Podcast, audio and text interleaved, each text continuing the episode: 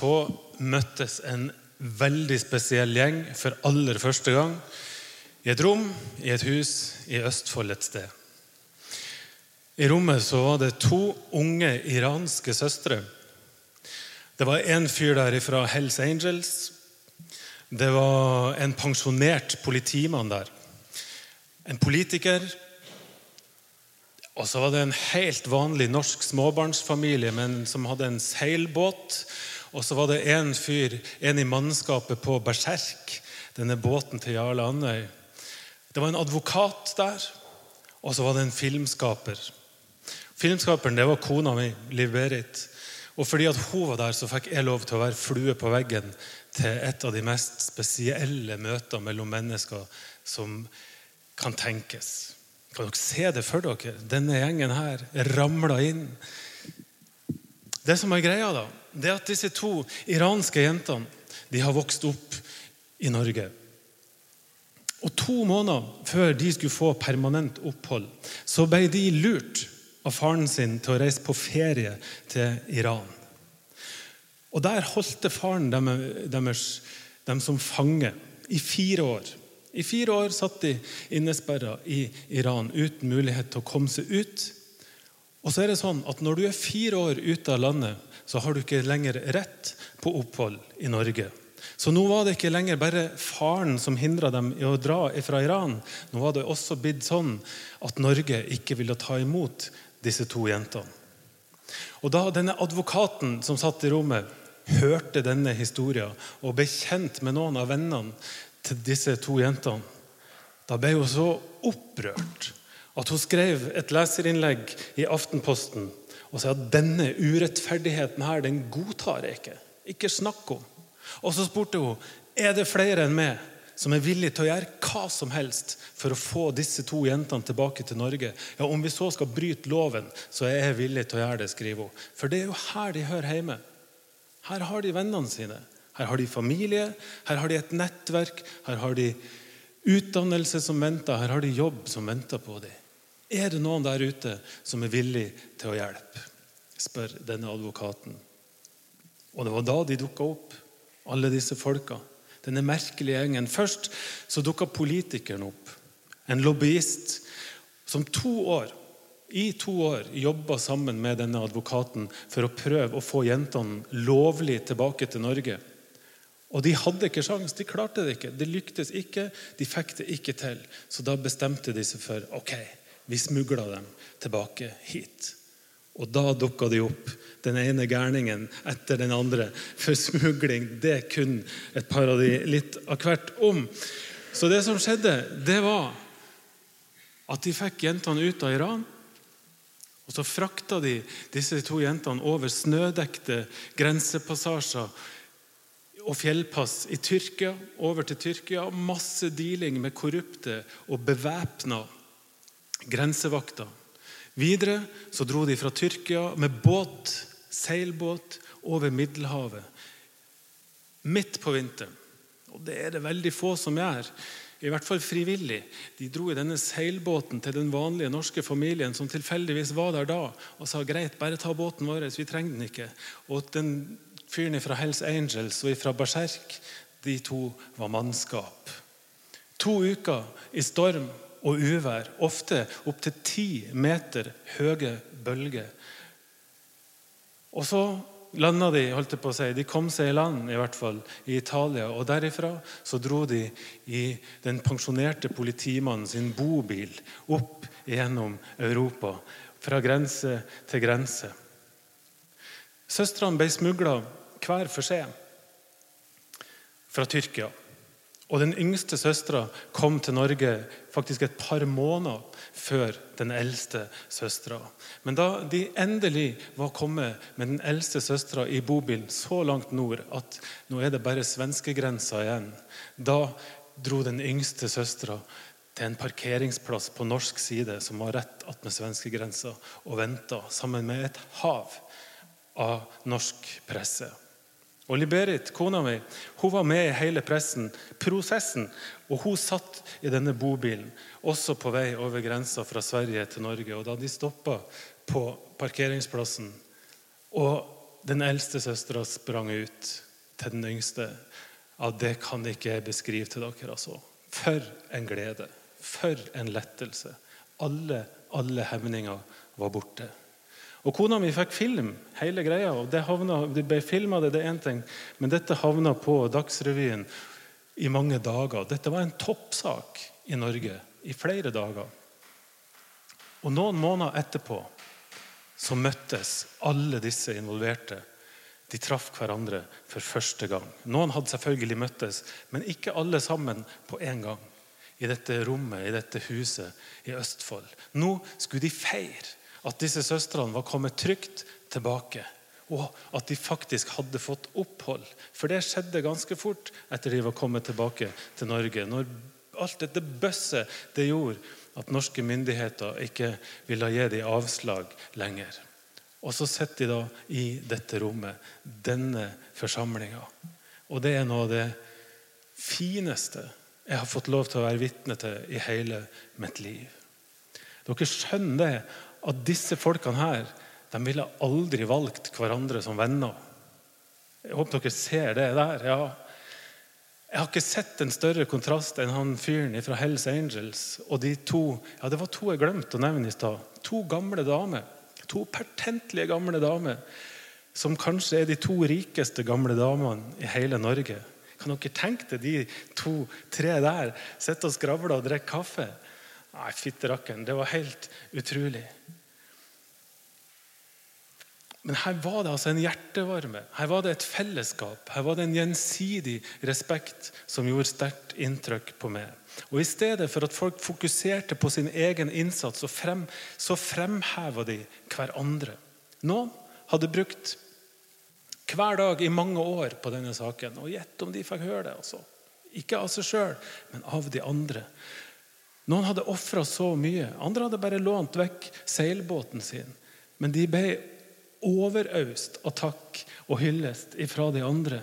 Noen hadde risikert livet på havet. Andre hadde vandra trygt i korridorene på Stortinget. Noen hadde åpna huset sitt og heimet sitt eller kirka si, sånn at de kunne få hvil på veien opp når de trengte som mest. Alle sammen satt der og anerkjente din andre sin innsats som helt uvurderlig.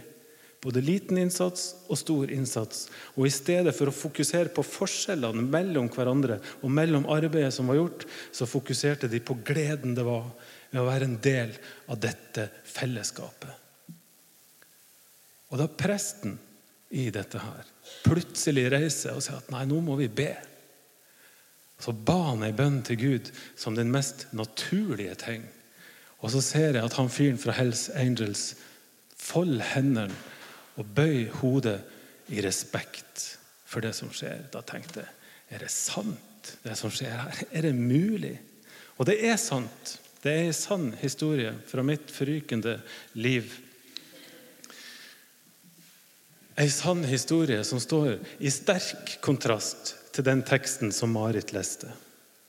Om ulike mennesker som gjør ulikt arbeid, men som gjør det på samme sted, for den samme saken, og for samme arbeidsgiveren. Men i motsetning til denne gjengen som jeg har fortalt dere om nå, så har disse arbeiderne de har fokus på seg sjøl. De har fokus på belønninga de skal få.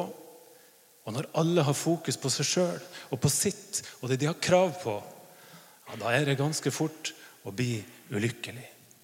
Husker dere teksten? En lignelse. Den har ikke skjedd på ordentlig. Det er Jesus som forteller en av sine mange lignelser. Og Han sammenligner altså himmelriket med denne jordeieren som gikk ut for å leie folk til å jobbe i vingården sin. Og Først så gikk han ut tidlig tidlig på morgenen, og så avtalte han lønna med de arbeiderne han fikk tak i. Dere skal få én denar hver. Og én denar det er god, alminnelig bra dagslønn. Tre timer senere så går han ut på torget igjen, ser at det står flere arbeidere der. Hyrer det inn, avtaler ikke noe lønn, men sier dere skal få det som er rett. Det samme gjør han etter sjette time, niende time, ellevte time. Kom og bli med og jobb. Bli med på dette her. Dere skal få det som er rett. Og når arbeidsdagen er over, så sto alle arbeiderne klar foran jordeieren. De kom fram, og én etter én så rakte de fram handa for å få lønn. Og de siste de ble kalt fram først. Og så får de en denar hver. Og Da sperrer de første øynene opp og tenker at hvis de får én denar, de, da må jo vi få mer, vi som har slitt og jobba så mye mer. Og så er skuffelsen like stor som spenninga var rett før, da de rekker ut handa og får det samme som de andre. De får én denar. Og så begynner de å murre imot jordeieren og klage over at ja, men dette er jo urettferdig. Og jeg forstår dem. Det er jo ikke vanskelig å forstå at de syns dette var urettferdig. For urettferdighet det er jo noe vi ikke tåler så godt. Vi kan ikke fordra urettferdighet. Det er klart at de murrer. Men hør nå. Livet er urettferdig. Iselin starta gudstjenesten med å si det. Det er noen som er født i fattigdom, som de aldri kommer seg ut av. Og så er det noen, vi, som er født til rikdom. I hvert fall i rikdom. Noen lever på flukt, andre sitter trygt i verdens rikeste land. Noen usunne folk blir aldri syke. Mens noen som tar vare på helsa si, plutselig så ligger de der uten noen grunn. Noen vinner i Lotto, og de fleste av oss gjør det altså ikke. Livet er urettferdig. Og urettferdighet, det opprører oss. Det er noe med det urettferdighet som får oss til å protestere. Så at de første arbeiderne ble sur på jordeieren, det er ikke så vanskelig å forstå. Men tenk på dette. Hvis de ikke hadde visst hva de andre hadde fått, tror dere ikke at de hadde vært fornøyd da? Hvis de hadde fokus på det som de hadde fått, i stedet for det de ikke fikk, tror dere de hadde blitt misunnelige da? Jeg tror ikke det. Jeg tror at når de begynte å sammenligne seg med andre, de andre, det var da at alt ble vanskelig. Og er det ikke ofte sånn Jeg mener, livet kan jo være riktig så godt. I hvert fall en gang iblant. Det kan være skikkelig fint. Og vi kan være godt fornøyd med det vi er, vi kan være godt fornøyd med det vi har. Helt til vi begynner å sammenligne oss med andre. Og Da er det fort å ikke være så himla fornøyd lenger. Jeg skulle så gjerne sett ut sånn som han eller hun. Jeg skulle vært like pen, jeg skulle vært like høy, jeg skulle vært like mørk, jeg skulle vært like tynn, jeg skulle vært like vellykka, jeg skulle vært like et eller annet. Det hadde vært noe, det. Og I stedet for å bli glad for at vi kan kjøpe all mat og klær som vi trenger, så er det fort gjort, i hvert fall der jeg bor, på tundraen oppe på Ekeberg og se på han der naboen som kjører Tesla og har fire au pairer i kjelleren. Hvorfor er det han som har dette her, og ikke jeg? Og så sitter du der. I stedet for å være fornøyd, så sammenligner du det med andre og blir sur og misfornøyd. For det er alltid noen som har det bedre. Og Når den slags urettferdighet som jeg har beskrevet nå, når den opprører oss, da blir vi sur. Da blir vi kjip. Da blir vi ulykkelig. Men det fins et svar til alle de vi som blir kjip og sur og ulykkelig. Og jordeieren har det svaret i teksten som Marit leste. Jeg syns han svarte de der frustrerte arbeiderne riktig godt. Han sa jeg har ikke gjort urett mot noen av dere. Dere har jo fått akkurat det som vi avtalte. Ta det med dere og gå. Ser dere det at jordeieren han, han trykte dem ikke ned? Han har ikke tatt noen ting ifra noen. Men det han har gjort, det er å løfte opp de som stilte svakest. Han har løfta de opp på de sterkestes nivå. Og så spør han ser dere med onde øyne på at jeg er god. Alt dette er jo mitt. Jeg kan jo gjøre med det akkurat sånn som jeg vil. Og her er det jeg som bestemmer, og jeg bestemmer at her skal vi ha det sånn at de, svake, de siste skal bli de første, og de første skal bli de siste. Og Sånn holdt jo Jesus på hele tida. Det var mange sterke folk der ute som var ordentlig sur på han. Men det var jo ikke fordi at han trykka dem ned. Han drev ikke med det. Men det han gjorde, konsekvent, det var å løfte de svakeste opp til de sterkestes nivå. Han helbreda de syke, gjorde de friske. Han ga mat til de som var sultne. Han var sammen med de utstøtte, de spedalske. Han løfta opp kvinner og barn som var uten eh, status i det hele tatt i det samfunnet. Og så ga han de verdighet som ingen andre ga dem. Og jeg tenker at Dagens fortelling den sier noe om at Guds rettferdighet det er en annen rettferdighet enn vår. Dagens fortelling viser oss at Gud gir ikke lønn som fortjent. Og jeg tenker nok som så at Gud gir ikke lønn i det hele tatt. Han driver ikke med sånt. Men Gud gir gaver. Og en av de fineste gavene Gud gir, og Jesus gir, det er at Jesus jevner ut urettferdighet. Ikke ved å trykke de sterke ned, men ved å løfte de svake opp på nivået til de sterke. Og sånn blir de siste de første. Er ikke det et vakkert budskap? Ja, dere skal bare nikke, for det er det. Dette er jo et bilde på himmelriket, sier Jesus. Sånn er det. Dette er himmelriket. Og det skal være et godt sted å være. Men samtidig dere, så er jo dette budskapet ganske utfordrende for oss som sitter her. Vi som bor i verdens rikeste land, vi som skal stemme i et fritt demokrati i morgen. Vi som har tilgang på all verdens helsetjenester, og som har den luksusen det er å kunne diskutere velferd og veibygging og kultursatsing og oljeboring i Lofoten og sykehjemsplasser og jeg vet ikke hva.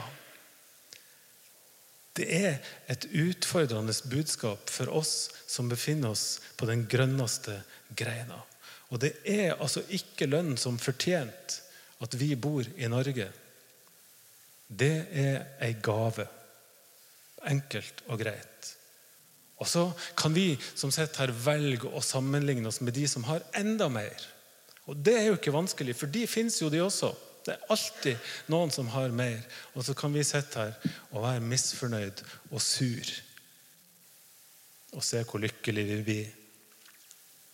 Men hør, den viktigste norske verdien det er altså ikke brunost. Selv om det ser sånn ut i media for tida. I hvert fall av og til. Men den viktigste norske verdien det er jo å ta vare på de svakeste. Ta vare på de syke. Ta vare på arbeidsledige og fattige og barn. De som er på flukt. Ta vare på de fattige i verden. De som er offer for naturkatastrofer. De i landet vårt som er ensomme og som har det vanskelig. Hvis vi blir opprørt over den slags urettferdighet, ja, da er det greit.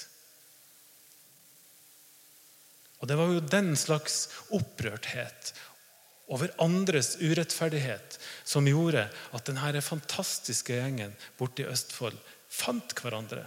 At de møtte hverandre. De var ekstremt forskjellige, men de hadde den ene tingen felles. De aksepterte ikke den store urettferdigheten som de to søstrene hadde blitt utsatt for. Og andres urettferdighet det opprørte alle disse så mye at noen risikerte livet. Noen risikerte fengsel. Noen risikerte ikke så mye, men de bidro med det de kunne.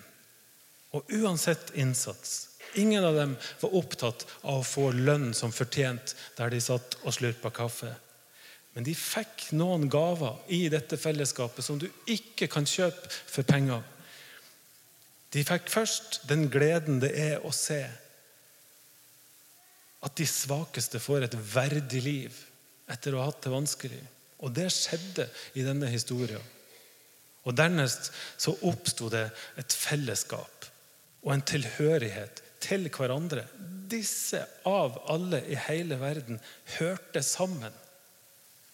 Og det er jo nesten ikke til å tro. Og nå, nå befinner vi oss i ei kirke. Og jeg tenker at I alle kirker så ønsker vi jo å skape et sånt samhold et sånt fellesskap. Og vi er jo forskjellige mennesker, vi som sitter her nå. Vi mener mye forskjellig, vi lever ganske forskjellig. Men trua på Jesus gjør jo at vi hører sammen. Vi tilhører hverandre. Og I dag så er det altså en tekst om himmelriket. Og Himmelriket handler ikke om å få lønn som fortjent, men fundamentet i å nærme seg himmelriket det er jo å ha tilhørighet til hverandre og en nær relasjon og tilhørighet og kjennskap til Jesus. Som er forbildet vårt i å være raus. som er forbildet vårt, i å bli opprørt over andres urettferdighet.